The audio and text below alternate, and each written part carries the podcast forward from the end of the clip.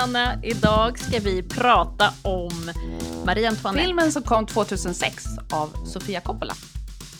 Ja, vi har valt den för att vi tycker att det är kul att prata om 1700-talet och den här filmen är ju som en enda stor smällkaramell. Så att eh, vi tänker, den känns kul. Är man intresserad av kostym, drama, då är det ju den här man måste se faktiskt.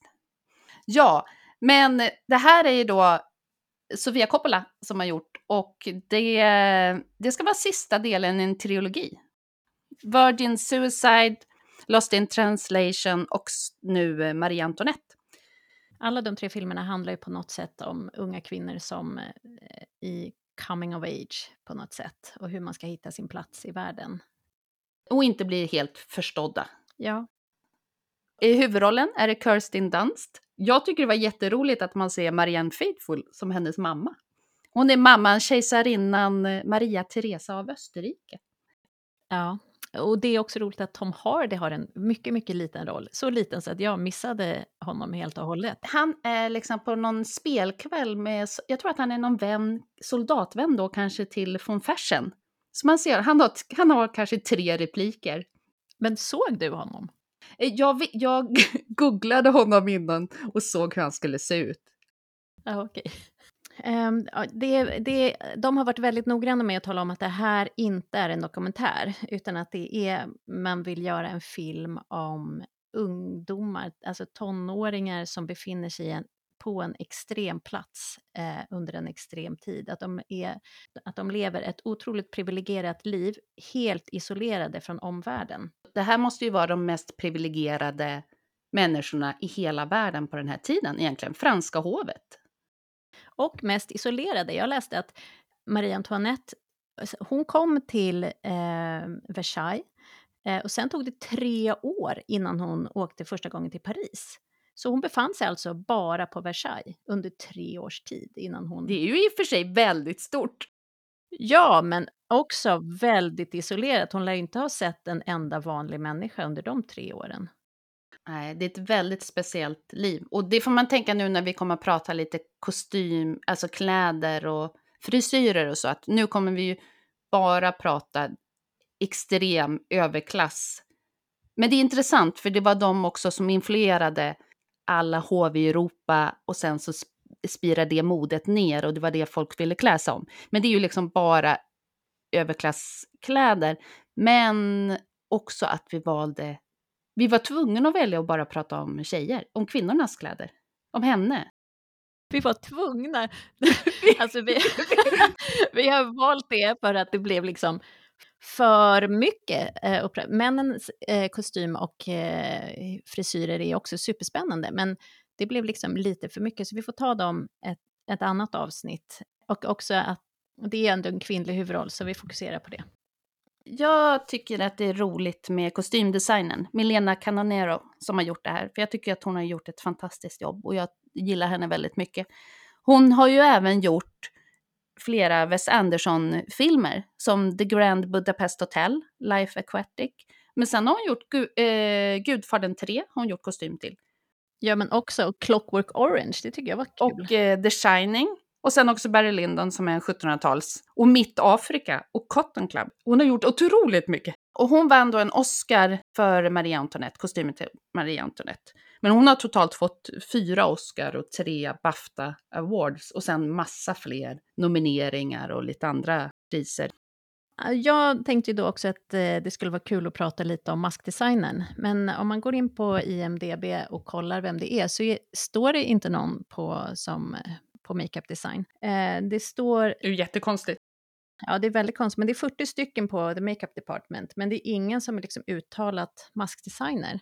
Och det är också såklart perukmakare och allt, alla möjliga, men Kirsten Dunst har en person som bara gör makeup design för Kirsten Dunst och hair design för Kirsten Dunst, men det är ingen som tar det eh, ett helt grepp på att ha ta, gjort maskdesign för hela filmen.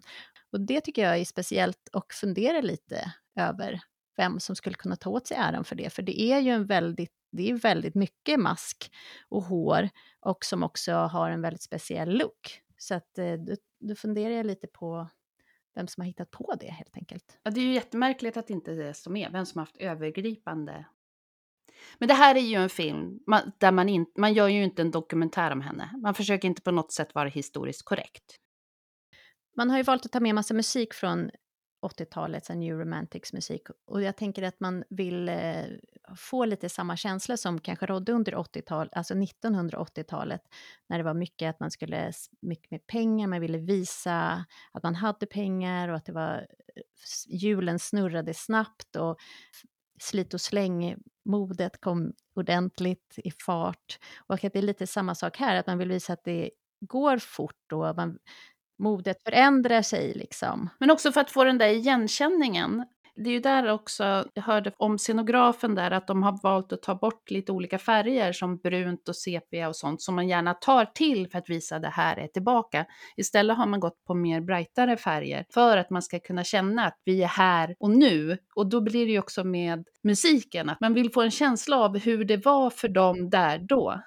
Och det tycker jag de lyckas så himla bra med. Men mycket som ger hela den här fonden, det är ju att de spelar in på Versailles.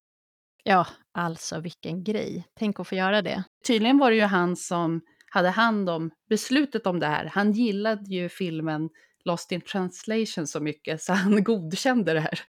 Men tänk vad de har vunnit på det, för att hela den, hela den omgivningen sätter ju en ton och en känsla för alla de här enorma parkerna som de har där och med stora sjöar och hur det ser ut på insidan. Däremot så tänker jag också på att när man har varit och spelat in i, när jag har gjort det, varit med på, och varit i gamla slott eller på herrgårdar, då får man ju liksom inte sätta en spik någonstans, man får, knappt, man får inte sitta på möblerna, man får inte repa någonting. Man får knappt jag, nudda någonting. Nej, och det tänker jag att det här måste också ha varit en utmaning att spela in där. För de stolar och det, alltså lösöret som är inne i filmerna, det är ju ingenting som är original, utan allting har de ju fått tag i.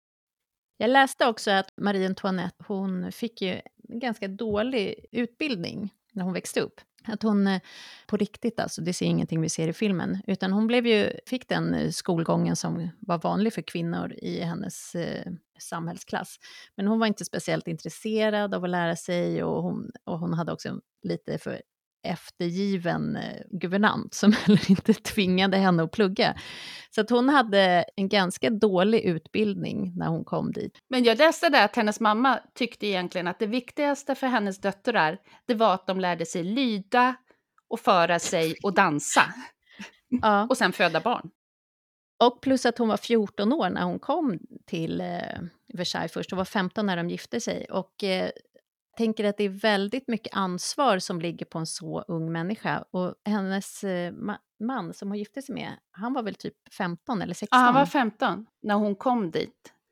Det här är ju ett politiskt, strategiskt äktenskap, allians. allians där man liksom egentligen sålde en flicka till ett annat land för att upprätthålla den bra kontakten med landet. De var ju som någon slags spelbrickor bara från början var det egentligen meningen att det var någon av hennes äldre systrar som skulle gifta sig. Men den äldre systern fick smittkoppor och sen var det en annan, den näst äldsta dot, äh, dottern, hon hade fått smittkoppor men inte dött. Men hon hade fått så ärrad hy, så då var inte det okej. Okay, för det var liksom, det var ju så extremt viktigt att se vacker ut. Så då kunde de inte skicka henne heller, utan då blev det Marie Antoinette. Som faktiskt från början också, hon, hette, hon fick ju ändra på så mycket för att flytta dit. Förutom att prata franska och allt sånt där, självklart. Men hon hette ju Antonia eller någonting. Men några dagar innan hon skulle åka så valde de ett franskt lite bättre namn till henne. Ja, men jag tänker där i filmen, den börjar så är det ju i Österrike och hon är hemma hos sin mamma och har liksom utsläppt hår. Allting känns ju väldigt, hon känns ju väldigt mycket barn där och väldigt ung och så här. Och sen så kommer de och åker de iväg till Frankrike. Och så i övergången mellan eh, Österrike och Frankrike, där ska hon gå över, lämna sitt gamla liv och gå över till det franska livet. Och det hände tydligen på riktigt. Eh, och det finns mycket nedtecknat om det. Det var ju så politiskt vart man valde att göra den här överlämningen. Och det visar ju bara på att hon var ju inte, det var ju inte en människa, utan det är en vara som ska levereras. Ja, och det är också så tydligt att när hon går ut ur det där tältet och går över på franska jorden, att då har hon ju en helt annan klänning, hon har en helt annan frisyr, hon är också sminkad, det var hon inte eh, i Österrike, utan han har fått den här bleksminkningen. Så att, eh, där känns det ju verkligen som att hon har gått in i en roll. Hon har fått en roll och en bur, kan man väl säga, som hon måste kliva in i och försöka anamma helt enkelt. Ja. Men det sjuka här också, det är ju att de började den här planen av det här äktenskapet kanske något år innan, när hon var kring 13 år. Och då, innan hon åkte iväg här, då har de spenderat oerhört mycket pengar på att hon ska ha en fransk garderob av kläder med franska tyger, franska kläder och allting. Så att även om hon har någonting som då är franska kläder tycker de, fast de är gjorda i Österrike, så var hon tvungen att lämna allt det. För att det är liksom så symboliskt ska hon lämna allting bakom sig.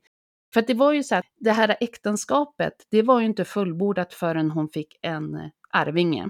Och enda chansen att få det fullbordat, det var ju att hon var vacker och skötte sig och lydde. Så därför var de ju tvungna att spendera otroliga liksom, mycket på hennes hennes utseende. Tänk den pressen för den 13-14-åringen. Och det här är alltså på riktigt och det är inget som vi får se i filmen. Men, eh, men där tänker jag också, när de... Eh, det är ju väldigt länge i filmen också, och på riktigt, som de faktiskt inte fullbordar sitt äktenskap. Och först tänker jag så här, hon är 14 år, i Sverige är man liksom inte byxmyndig förrän man är 15, och han är typ 15. Eh, så man tänker, egentligen är det ju två barn som ligger där, så att om de inte har sex direkt, det är ju egentligen kanske en bra sak, tänkte jag. Men sen också, tänk att ha det fokuset på att fullborda det här äktenskapet och att alla ska ha koll på exakt vad som händer i en sängkammare. Det är ju inte som att man får utforska lite i lugn och ro på egen hand. För jag läste också så här, jag tror att det stod på Wikipedia, att de hade inte sex på de första sju åren och äktenskapet fullbordades i augusti 1777. Tänk eh, vilken grej att, eh, att det där, äktens, att det där eh, samlaget liksom har noterats att det har skett i augusti 1777 och att alla hade sån koll på det. Snacka om press alltså. Ja, franska kungens frus roll, det var att producera en arvinge. Och det skulle ju helst vara en pojke också. Det är ju helt sjukt att hela den här alliansen mellan de här länderna, den hängde på om hon födde barn. Tänker man den lilla flickan där?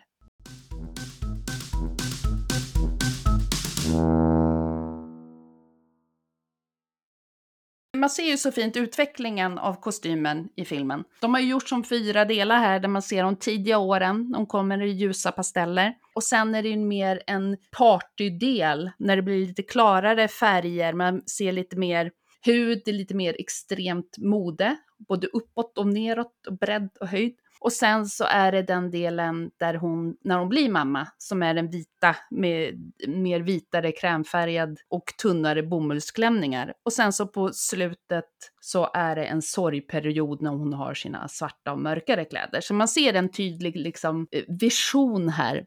Jag skulle säga att det är väldigt historiskt korrekt och sen har de strösslat med lite moderna grejer. Sen är det ju såklart att det är vissa saker som inte stämmer, det kan jag ta sen. Men jag tycker i stort sett är det sätter det 1700-talet extremt bra, just för att de här siluetterna stämmer så bra. Ja, och jag, jag tycker sådär. Ja. sådär. För att det är liksom, de sätter ju lite formen, framförallt i början när hon kommer eh, och är ung. För mitten på 1700-talet så var det ganska liten frisyr med mycket lockar och så som hon har där när hon kliver ur tältet och kliver in på den franska delen till exempel. Det är en ganska överensstämmande. Och sen på 1760-talet, då blev de lite, lite högre, lite mer äggformade. Och sen på 1770-talet, då började de växa till de där extremperukerna, som man, eller det är inte peruker, utan frisyrerna som man förknippar med 1700-talet väldigt lätt. Och det har hon ju vid något tillfälle här, sån här jättehög, när den här frisören kommer med en hög frisyr. Och den frisyren ser ju lite mer ut som Marge Simpson i formen än vad de faktiskt gjorde. För egentligen så var de där frisyrerna, om du tänker som en upp och nedvänd pyramidform, ansiktet var liksom den nedre triangeln och sen så gick det upp så att den liksom blev bredare uppe än vad den var nere. Så som man har sett eh, karikatyrbilder där det är som att de har en kalkon på huvudet. Ja, men ungefär. Så den siluetten stämmer ju inte alls. Och de har ju inte heller gjort några aspirationer på att det ska se ut som att de, man har använt rätt hårprodukter. För man använder egentligen bara pomada och hårpuder för att sätta de här frisyrerna. Och i filmen, där har de ju mer använt så otroligt mycket hårspray och ibland så ser det ut, ja, de kanske har haft puder, men det ser också ganska ofta ut som de har använt sån här hårfärg som man sprayar på. Det passar ju med kopplingen till 80-talet, hårspray. Ja, Ja, så att jag tycker att det är jättesnyggt i filmen. Och de har verkligen hittat en egen form och siluetten påminner ju om det. Men eh, den, det var inte så det såg ut på 1700-talet. Att, eh, För det är ju så med färgerna också. Med, där har man ju plockat in den här tjock, lite mer knalliga rosa färgen. Och den rosa färgen hade man ju inte på den här tiden. För det, det är ju de här anilinfärgerna som gör att de blir så här grälla. Men den passar ju så himla bra i sammanhanget här, ja. så det köper man verkligen. Och sen så har de också gjort ett lite stilistiskt drag. Man var, dränkte sig själv nästan i spetsar på den här tiden. Men för att få en lite mer tydligare linjer så har de tagit bort massa spetsar. Och lite med, med smyckena är lite si och så också. De har använt lite mer sådana här band och rosetter runt halsen. Men det fungerar ju bra. Alltså jag tycker att eh, de har gjort en fin kombination av det där. Ja det som den här filmen är mest känd för överhuvudtaget, det är ju att det är ett par Converse-skor som ligger. Ja, jag vet. som man ser i två sekunder. Men den gör ju också att den sitter ihop. Ja, och den scenen som Converse-skorna är med i, den här I want candy-låten som spelas i bakgrunden, sen är det bara massor av klipp på när de köper och provar nya kläder, nya skor, de äter fantastiska bakverk, bakelser, jag tror att det är så att Sofie, nej vad heter hon, Sofia Coppola, hon ville liksom att hela filmen skulle kännas som en, ett bakverk, som Macrons i de färgerna och att eh, och det tycker jag att de har lyckats med. Det är ju fantastisk eh, potpurri där. Ja, men jag tänker också så här att om det enda som hon skulle leverera var en bebis och det liksom inte lyckades, då kanske man kände sig lite tom och lite misslyckad också. Och den där tomma hålet, det kan man ju dö... liksom, Fylla med champagne och bakelser. Med att shoppa loss, och det är ju någonting vi gör idag också, men att man bara vill ha mer och mer. Att det Shopping, liksom ändå... bakelser och champagne.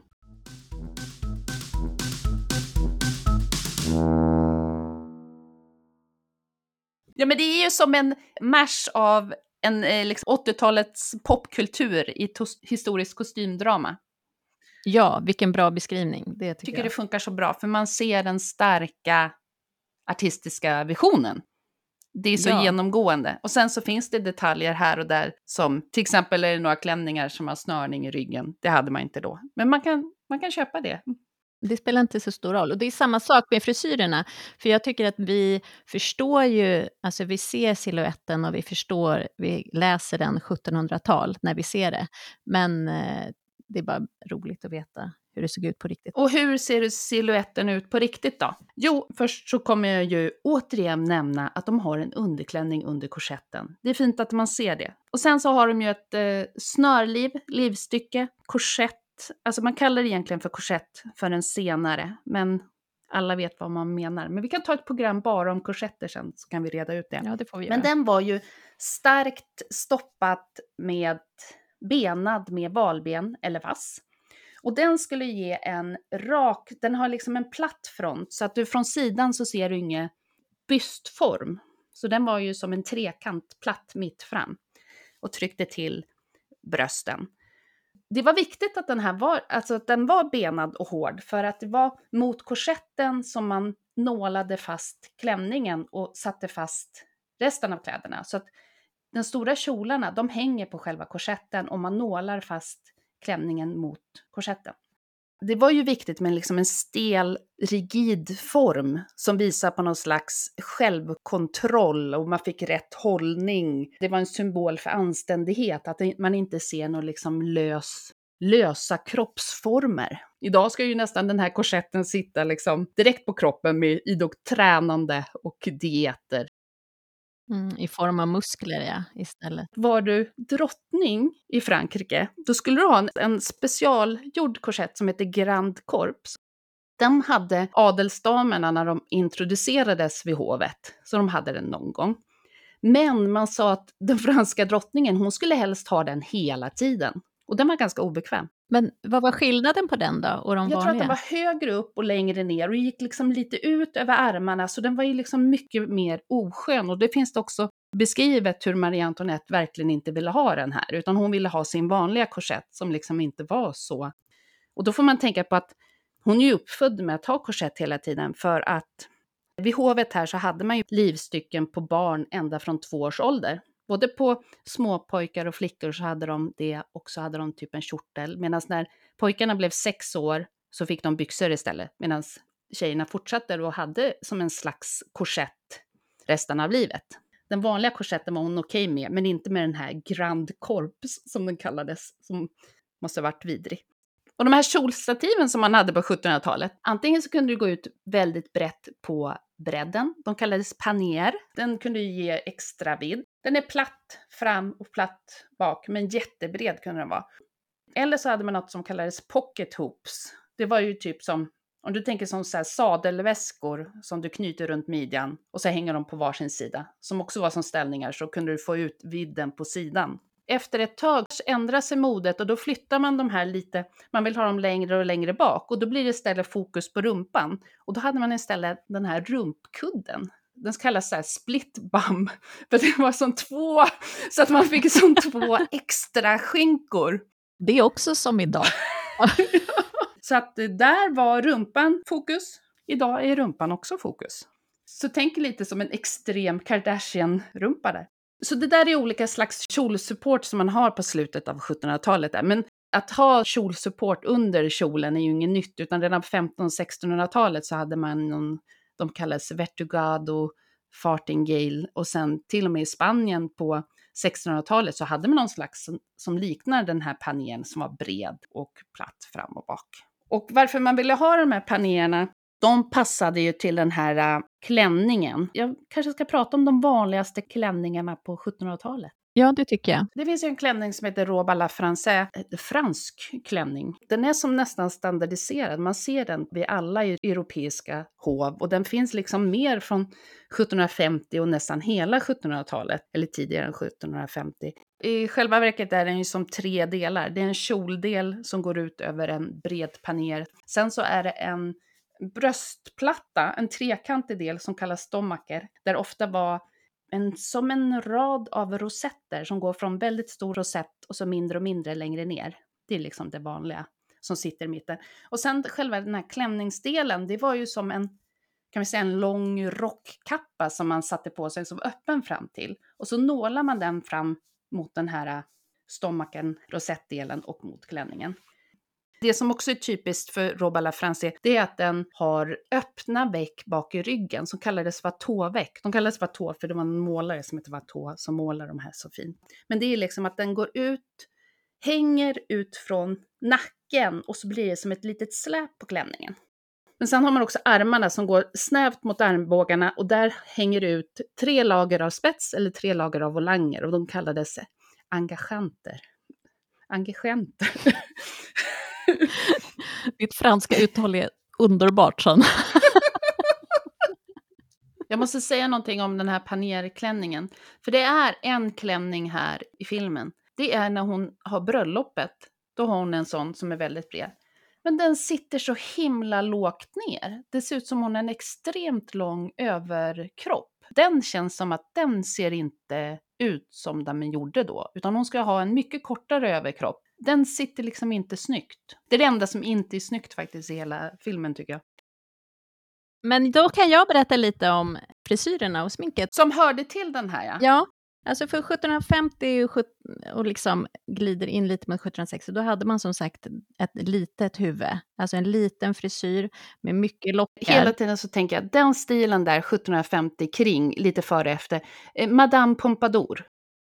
Ja, hon var stilbildande där. Och just 1750 och 60, då har jag förstått det som att det var då man faktiskt hade som allra mest smink. Det var då man hade den tyngsta sminkningen och den var ju då att man har varit där vitsminkade ansiktet, mörka ögonbryn, rouge och en rosa mun. Det har varit väldigt mycket prat om det här eh, vitsminket som är faktiskt blybaserat Eh, de visste om redan då att det faktiskt var giftigt, för det är giftigt och man, kan, man förstör verkligen huden och man kan bli infertil och man kan också få blyförgiftning helt enkelt och dö. Eh, men det var något med det där blysminket som ändå var så snyggt så att man valde att använda det i alla fall. Och det gav tydligen, jag har sett nu folk som har försökt att återskapa de här sminket utifrån gamla recept. Och det ger en väldigt, väldigt fin lyster, att det är också en opacitet i det där sminket som gör att liksom huden också lyser igenom lite fast man ser så där blek ut. Så att det är liksom inte som en vit fetsminksbas, så att de är ju inte clownsminkade, utan man vill åt det där att man ska se alldeles blek och ung hud som liksom inte är förstörd. När du säger det så kan man ju mer fatta vitsen med det. Ja, för annars så tycker jag att man har det där vitsminkande 1700-talet, den har gjort så mycket fult. Ja, och jag tror också att det verkligen var så här, de som hade allra mest, det var ju de som till exempel var på scenen, på operan och så. Det ser man faktiskt också i filmen. De har ju jättemycket smink och jättemycket ögonbryn och så här. Och det tycker jag är roligt att de har tagit upp i filmen. Riktigt så mycket smink hade ju kanske inte de vanliga, men däremot så var det så att eh, kanske de som var lite äldre, som hade eh, lite mer att dölja, som rynkor. Och om man hade då använt det här sminket ett tag så blev ju huden också förstörd, så man var tvungen att använda mer smink för att täcka över det. Men liksom nu så var det så att en ung, fräsch, ljus hy utan blämmer var liksom eh, idealet. Och sen så eh, tappade de lite konceptet med hur mycket man skulle använda och såklart en del hade mer och en del hade mindre. I filmen har de ju valt att ge Marie Antoinette ganska lite smink, men det är också för att de vill att hon ska se ung och fräsch ut. Liksom. Och det tror jag också stämde ganska bra faktiskt. Både män och kvinnor sminkade sig ju på 1700-talet. Och egentligen så det som var mer markering mellan könen, det var att man ville markera sitt välstånd.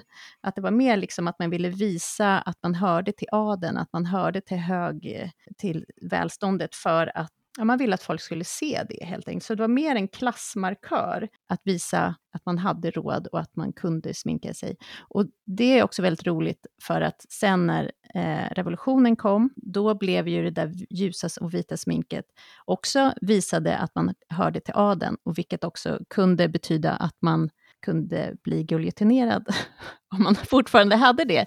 Och därför så slutade det modet ganska snabbt i revolutionen. Men jag, jag går tillbaka till lite de här äh, klänningarna nu. Det var ju sidenklänningar, den här robe la France, eh, franska klänningen. Och sen efter den så kom det en annan som blev mer populär som heter robe à la polonaise eftersom den här eh, panelen, man hade liksom tryckt den mer bakåt bakåt då, så blev det, ville man ha de här kuddarna. Och den klänningen, då hade man istället sytt ner de här vecken i ryggen, så man hade liksom som en tight form på överkroppen. Och midjan satt lite högre upp. Och sen så puffade man upp släpet. Den hade man liksom löpgångare i nu, så att man gjorde en stor drapering bak till.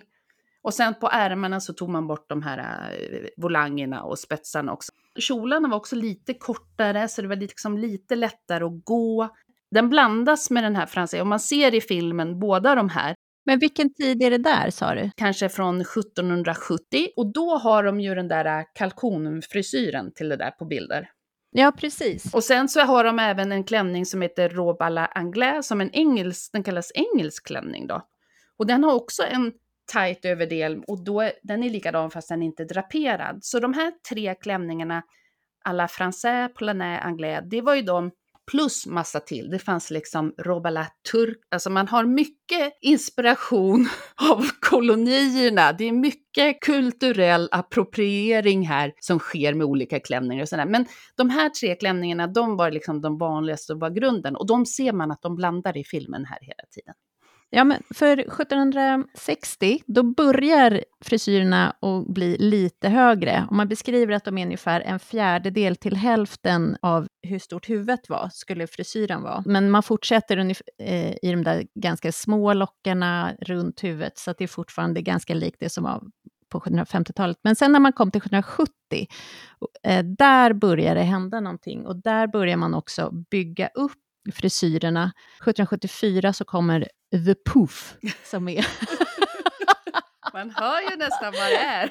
Det hör man vad det är. Det är som en kudde som är liksom formsydd så att den ska passa huvudet och som är av tyg, men den är också uppstoppad av eh, ull och hästtagel och olika tyggrejer som liksom man ska fästa på huvudet och sen så över den så har man extra hår, alltså som nästan halvperuker. Så det finns den delen som sitter precis framme från pannan och uppåt, den kallas för topé. Eh, och sen den som sitter i nacken kallas för chignon och sen så kan man sätta dit olika eh, lösa lockar och slingor som hänger ner och sådär. Sen så kammar man in sitt eget hår i det här. Så att kvinnorna har som regel inte peruk här, utan de har liksom uppbyggt av olika hårdelar hela vägen. Och de där kunde ju bli, gick en inflation i de där, så de kunde ju bli hur höga som helst. Det finns till exempel två rapporterade fall från England när frisyren var så hög så att den slog i kandelabrarna i taket så de började fatta, de fattade eld. Men också finns det flera nedtecknade där kvinnorna faktiskt inte kom in i sina vagnar när de skulle åka till fester och sånt där, utan de fick sitta på golvet eller hålla ut huvudet genom fönstret. Eh, det finns en där Marie Antoinette skulle åka på någon bal och då fick de plocka av hela toppen av frisyren för att, eh, och sen sätta fast den igen när hon kom fram, eh, för att hon fick inte plats i vagnen helt enkelt. Och även på operan så för, förbjöd de de här jättehöga frisyrerna på parkett, utan de som hade de höga frisyren, de fick sitta uppe i logerna vid Det kan man ju av. fatta, jobbigt att hamna bakom en puff. hur, hur var teatern? Jag ha såg inget. sett någonting Nej. faktiskt. Och det finns ju också jätte, jättemycket karikatyrbilder från den här tiden, att det liksom gick överstyr. Eh, det är ju lätt att tänka att det enklaste hade varit att ha en hel peruk eh, och sätta bara på så man kunde ta av när festen var slut sen. Men eh, Marie Antoinette som ju var trendsetter number one, hon var inte förtjust i peruk, så hon använde att bygga upp det på olika delar och då gjorde alla som hade möjlighet det också i hovet såklart. Eh, de som hade alldeles för lite hår, de var väl kanske tvungna ibland att ha peruk, för att de inte hade något själva att bygga av. Men det är en eh, myt att alla peruker var vita, eller att alla var, hade vitt hår, utan man eh, hade sin egen hårfärg och alla de här hårdelarna kunde man också ha i sin egen hårfärg och sen så pudrade man på håret. Stylingprodukterna var pomada som är gjord av, av djurfett helt enkelt, som talg, gristalg eller fårfett. Liksom. Och så blandade man det med kanske bivax, eller då fick man ett hårdare vax, och sen så med olika kryddor så att det också skulle lukta gott. Så det kammar man i håret och sen så använder man det här hårpudret helt enkelt. Och där är en annan myt att det var mjöl. Det kanske var de allra billigaste som använde mjöl, men annars så var det stärkelse från till exempel vetestärkelse eller risstärkelse, vilken slags stärkelse som helst. Och det är liksom det som blir kvar efter man har använt eh, själva vetekornet och det som man har, blir kvar, som man sen maler jätte, jättefint, och så att man har ett sånt puder. Så att, att man använder puder som folk egentligen skulle baka bröd av, det är tydligen en myt. Det är det som är så svårt med Marie Antoinette här, tycker jag. Att det finns så mycket myter och grejer omkring henne. Att man inte vet vad är karikatyr, vad är myter, vad var sant på riktigt. Ja, precis. Men eh, så man, liksom, för att få den här stylingen att hålla, för de hade ju inte någon hårspray eller något sånt där, utan då kammar man tydligen i det här, först pomadan, och sen och kammar väldigt mycket, och sen så har man det på hårpudret, och då blir det, då får håret, det blir väldigt lättformat, men att det också får väldigt mycket kropp, liksom, att det blir väldigt lätt att forma och att det också håller sig så. Att det är liksom, för pudret gör ju att man tar bort så att det inte ser flottigt ut, liksom. men att det gör tydligen att ett ganska tunt hår ändå känns ganska fylligt och att det är lätt att forma det. Liksom. Um, och att man, pudret fanns också i massor av olika färger. Att man kunde ha rosa puder eller svart hår. I filmen ser man ju att hon har rosa hår också. Ja, men precis, så det kan man ha. Och också att om man hade hård, olika hårdelar, så kanske inte alla de hårdelarna var exakt samma färg. Och då om man pudrade på med antingen en färgad eller vitt, då fick ju allt ändå lite samma ton. Liksom. Så det var, kunde man också använda för att få ihop frisyren av alla de här olika delarna.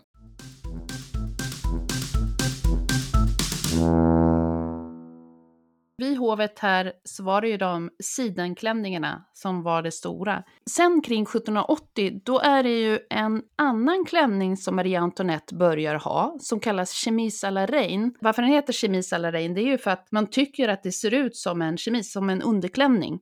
Alltså man tog ju inte av sig korsetten och det underställe man hade under, men utåt sett ser det ut som den. Och den var utav tunt, tunt eh, bomullstyg som var draperad runt kroppen. Och sen hade man liksom ett brett tygband runt midjan som kallades sash. Kanske, om jag uttalar det rätt. Vad sa du att det hette? Sa du? S-A-S-H. Jag tänker sash, men vi vet inte. men det var en annan färg.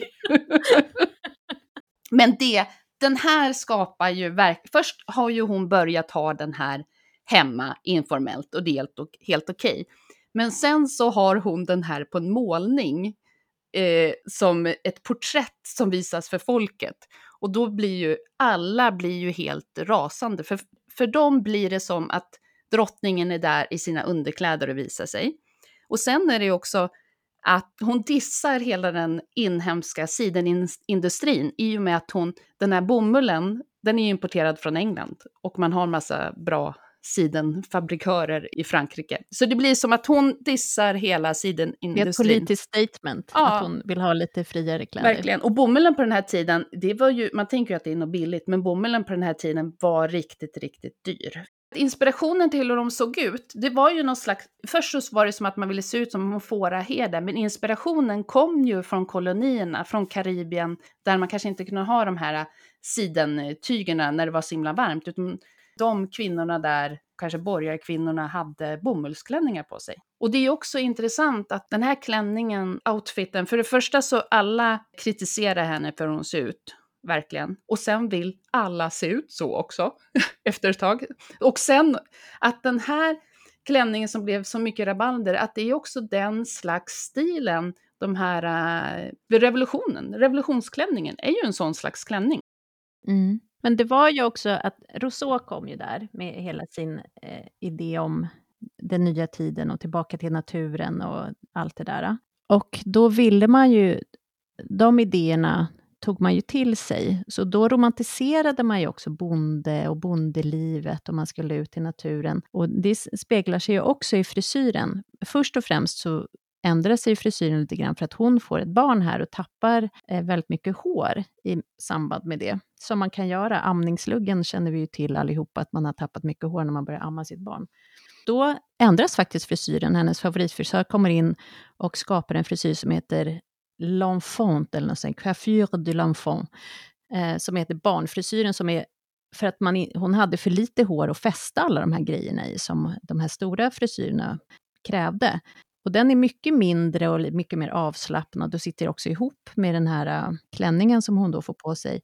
Men sen vart efter eh, hennes hår växer ut så växer de där frisyrerna igen. Men då är de inte så mycket på höjden, utan då är de mycket mer på bredden. Och den här puffen ändrar också eh, form, så den blir liksom lägre men bredare. Och man vill, börjar också vilja få att håret ska vara så här frissigt och det täcker öronen och det hänger ner mycket lockar i bak, bak i nacken. Och det är liksom, man tycker att det är en mycket, mycket mer naturlig look. Fast om man tittar så är den inte så naturlig. Men det är liksom ändå en aspiration på att det ska kännas mer naturligt. Det är ju samma också det här att, att hon har helvitt. Det är liksom en drottnings överklassperson av hur det är att vara en person på landet. För att ha en sån där kritvit ja. klänning, det skulle ju vara helt omöjligt. Och man också valde in olika, så här, man hade vita förkläden och man hade vita små hätter och vita små sjaler. Så det är ju som att de leker liksom fåraherdar hon hade ju, byggde ju upp jättemycket kring sitt lilla, hon fick ju som en bostad, Trianon, och hon byggde ju upp så som en liten bondevärld där de levde och lekte. Så att, ja, det är ju också liksom lite nedlåtande när överklassen leker bönder för att vara kreddiga hos de andra i överklassen där kan man ju säga att i filmen så ja, där har ju de tagit ner det där så att det ska kännas naturligare och så. Men där är ju den formen på hennes frisyr eh, är ju otroligt stillsam om man jämför med hur de såg ut på riktigt faktiskt. man fattar ju att hon gjorde det också, för att ha de här stora, tunga sidenklänningarna. Ja, det måste varit jättetungt. Så att byta ut mot de här tunnare bomullsklänningarna, det måste ju ha varit en befrielse faktiskt.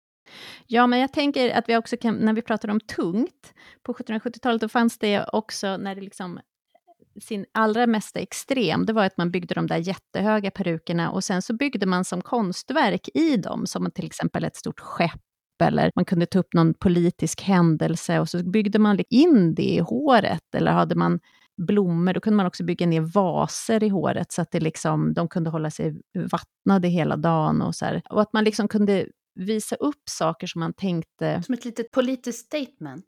Ja, både politiskt statement men också som en liten anslagstavla. Så här, det här är jag, för mig är det viktigt med zodiaken, alltså då gjorde man eh, med stjärnor eller ja, vad man nu, alltså man byggde upp olika, som små skulpturer i håret kan man säga, som jag har förstått det. Eh, men det var ju ingenting som man hade hela tiden, utan det var ju bara till väldigt speciella tillfällen. Men vad tungt det måste ha varit att gå omkring med. Ja, för jag läste någonstans också att de till och med hade som grö små grönsaker och grejer.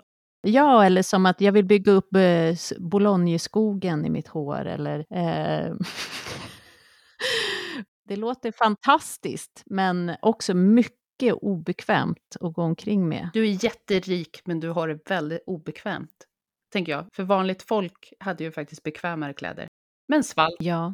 Men en sak som jag funderar på också när jag läser eh, om den här tiden, det är att de gjorde den här frisyren och inte de där allra största kanske, men ändå de där som är relativt stora. Det var ingenting som man gjorde om och gjorde en ny frisyr varje dag, utan att man eh, satte den och sen kunde den grundfriseringen sitta, alltså när jag läser så står det som två månader. Det låter ju otroligt länge. Och så liksom satte man runt ett hårnät och en nattmössa på natten som man liksom halvsatt och sov och sen så kammade man till och pudrade på det där på morgonen. Så en del ställen, där står det att det att det luktade väldigt illa. Att man tänker på den här pomaden som är gjorda på fett och sen eh, när det har suttit så länge att det har börjat växa olika djur och loppor och löss och allting, att det luktar väldigt illa.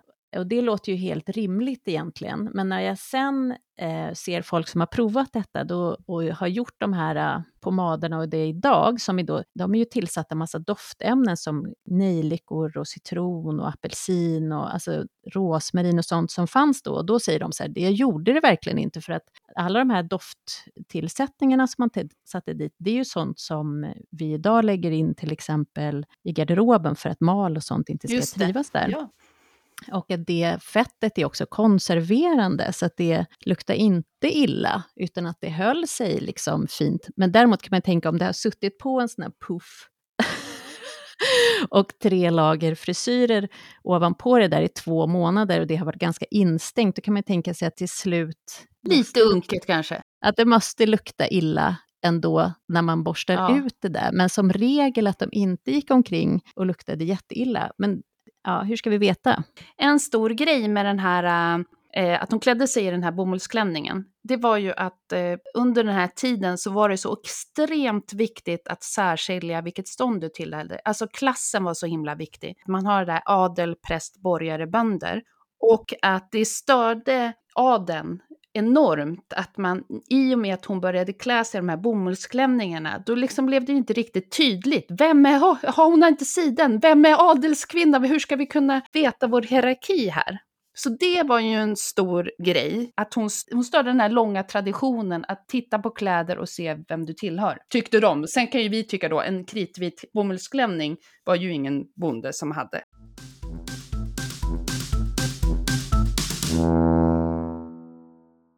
Nästan inga av hennes riktiga kläder finns ju kvar bevarat överhuvudtaget. Men det som finns bevarat det är en slags garderobsbok, en lookbook, som hon hade. En utav de här då, den som är från 1792, finns kvar. Där är det massa olika tygprover och till alla tygprover så det står en liten beskrivning vad den klänningen, hur den ser ut. Så den boken tittade hon i varje morgon och så satte hon liksom en liten nål på tygprovet för att visa att det här vill jag bli klädd i. För sen var det ju någon som gick och hämtade fram de här kläderna och sen så kom de och klädde henne. Som, precis som vi ser i filmen så klädde sig ju inte en, en drottningen av Frankrike klädde sig inte själv, utan då kom de med den här valda klänningen. Men det är ju roligt att den här att det finns en sån bok kvar där man ser exakt tygprover och beskrivet. Men du, den där eh, klädprocessen, ja. klädproceduren som är i filmen, att hon står helt naken när alla står runt omkring. Det känns ju, känns ju helt orimligt att det skulle gå till så. Jag kan förstå att man bjöd in folk och sitta med när hon gör i ordning sin frisyr och sådär. Men att man ska gå från helt nyvaken till att det står 50 personer eller 100, hur många som nu var. Alltså det låter vidrigt. Var det så tror du? Tydligen var det så vid franska hovet. Då. Versailles hade speciella etikettregler som var jätteviktiga att följa. Och att det också, som man ser i filmen, att det var den av högst rang som skulle ge henne grejer. Det finns källor som bekräftar det här. Ja, det låter fruktansvärt. Ja. Själv vill man ju på morgonen helst sitta och dricka sin kaffe ostörd. Ganska länge innan man vill prata.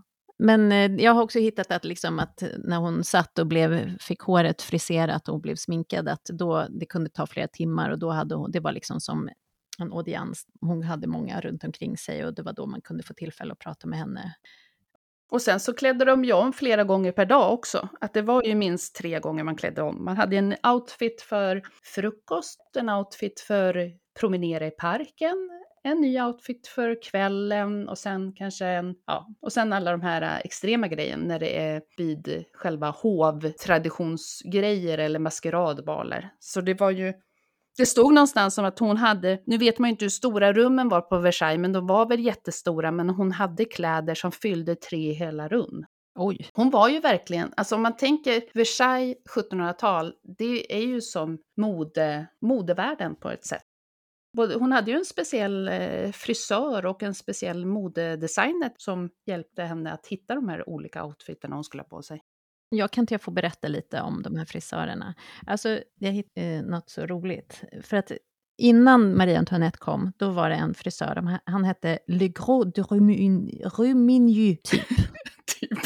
Och han var en jättekänd frisör och han gjorde liksom, han hade som huvuden, som, alltså jag kan tänka mig att det är som sådana frisörhuvuden som man friserar när man ska gå och lära sig att bli frisör nu, att man tränar och klippa och sånt på, ungefär, fast med 1700-talsmått. Han hade sådana huvuden som han liksom friserade upp och sen så ställde han ut dem på en mässa i Paris 1763. Och det var väldigt många, upp till 100 stycken. Och så fick folk gå dit och titta på de här frisyrerna och de tecknades också av och sen skickades vidare runt om till olika hoven i Europa. Så att hans frisyrer blev helt stilbildande i hela Europa. Och han hade också en frisörskola eh, för både betjänter som skulle ta hand om sina manliga herrars hår, men också för kammarjungfrur som de skulle lära sig att frisera sina damers hår. Han blev ju jättekänd och det är inte så konstigt att alla till slut hade ungefär samma frisyrer om det var det som var stilbildande och han skickade ut det under, i hela Europa.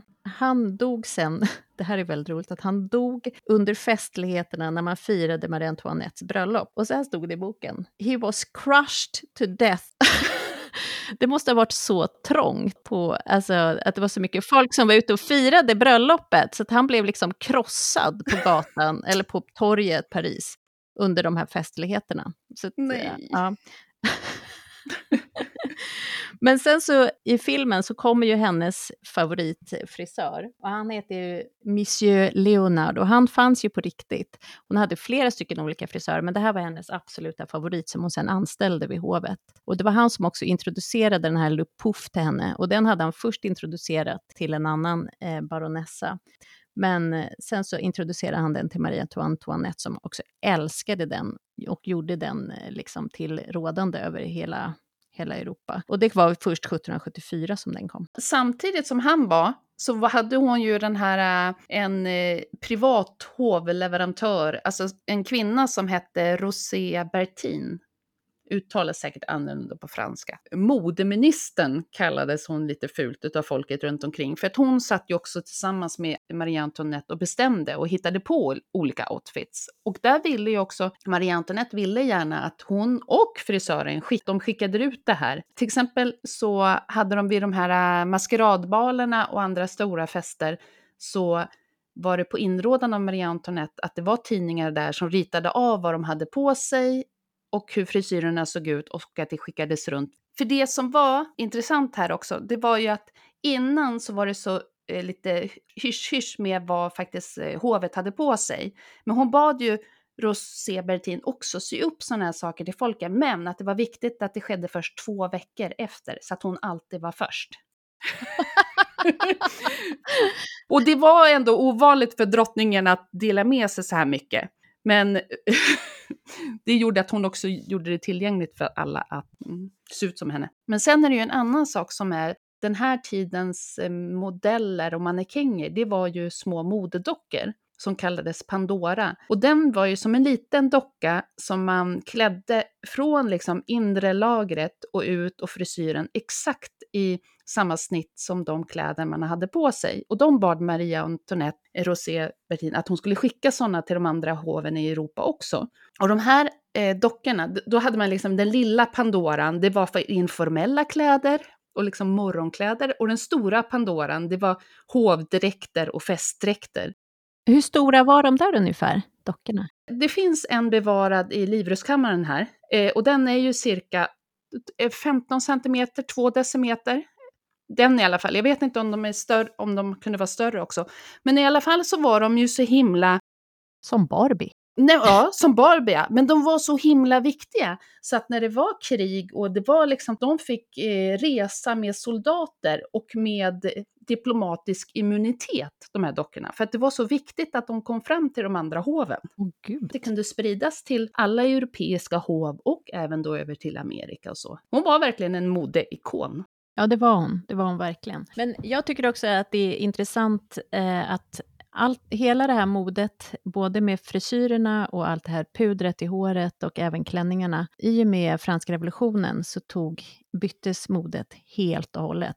Ganska snabbt ju, för att då helt plötsligt så var det inte bra att förknippas med att vara tillhöra adeln eller tillhöra hovet, utan det var förenat med livsfara. Och då blev det också, alltså perukerna försvann, klippte håret eh, ganska kort och många små lockar och att man gick rakt in i någonting som kallas för klassicismen istället. Och det här ser man ju verkligen i modet också. Alltså det, eh, franska revolutionen säger man är verkligen en brytpunkt, för det är då till exempel man börjar ha Adeln har ju alltid haft knäbyxor. Då blir det, börjar det bli modernt med långbyxor. Bomullen, man har haft siden som adeln, men det är bomullen som börjar blomstra och bli mode.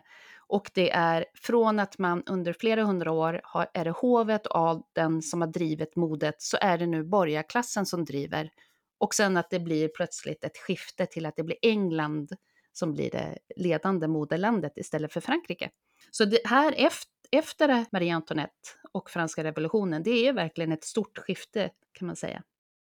Mm. Jag tycker det är så cyniskt det beskrivs. En frisyr som var modern, det var att man hade lockar och ganska kort hår. Och så skulle man visa upp nacken eh, och sen hade man ett rött sammetsband runt eh, halsen för att liksom visa på att giljotinen och att man var redo för giljotinen eller något sånt där. Mode alla giljotin tror jag det hette.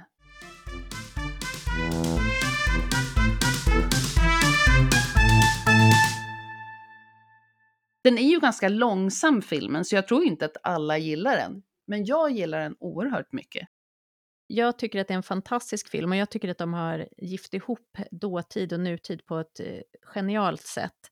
Och jag tycker att de lyckas med det som de har förutsatt sig, att man ska känna med de här och få en, att man får en känsla för att det inte var helt oproblematiskt. Den här stackars kungen som hon är gift med, Ludvig den 15, 16. 16, jag säger fel hela tiden.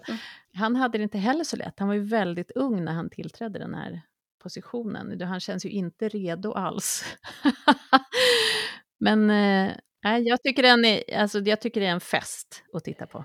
Det är verkligen en fest.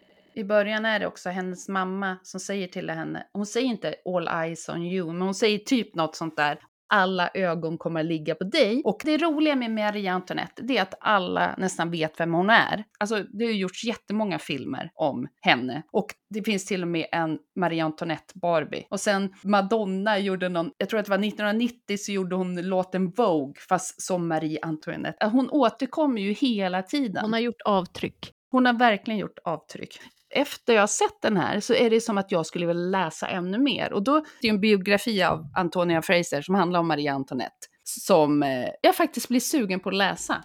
Och den har Sofia Coppola baserat filmen lite löst på. Ja, men då kanske vi ska säga... Den här filmen heter alltså Marie Antoinette.